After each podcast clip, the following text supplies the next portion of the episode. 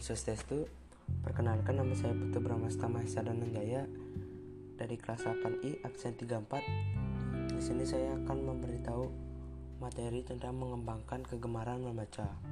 Membaca adalah kegiatan menganalisis yang dilakukan oleh pembaca untuk memperoleh pesan yang ingin disampaikan oleh penulis dalam media tulisan.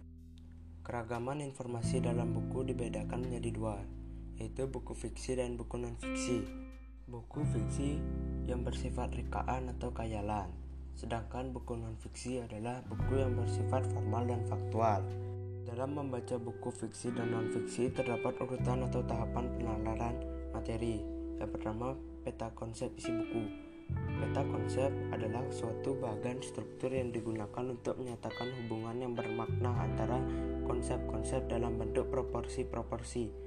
Berikut langkah-langkah membuat peta konsep menentukan bahan bacaan dan konsep yang relevan, mengurutkan konsep-konsep mulai dari yang paling inklusif hingga yang paling tidak inklusif.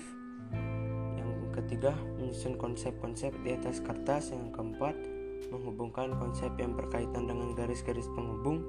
Yang kelima, mengembangkan peta konsep tersebut. Dalam membaca buku atau menemukan isi pokok buku, terdapat teknik-teknik uh, kegiatan membaca tersebut.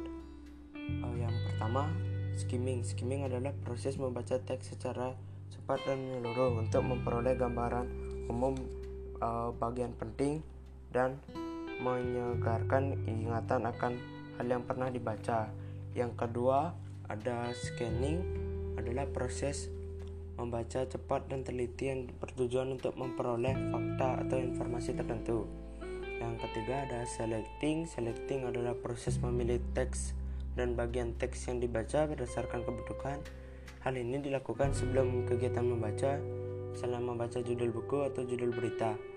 Yang keempat ada skipping. Skipping adalah proses kegiatan membaca yang mengabaikan atau melompati bagian yang tidak diperlukan atau bagian yang sudah dimengerti. Sekian dari saya. Om Santi Santi Santi Om.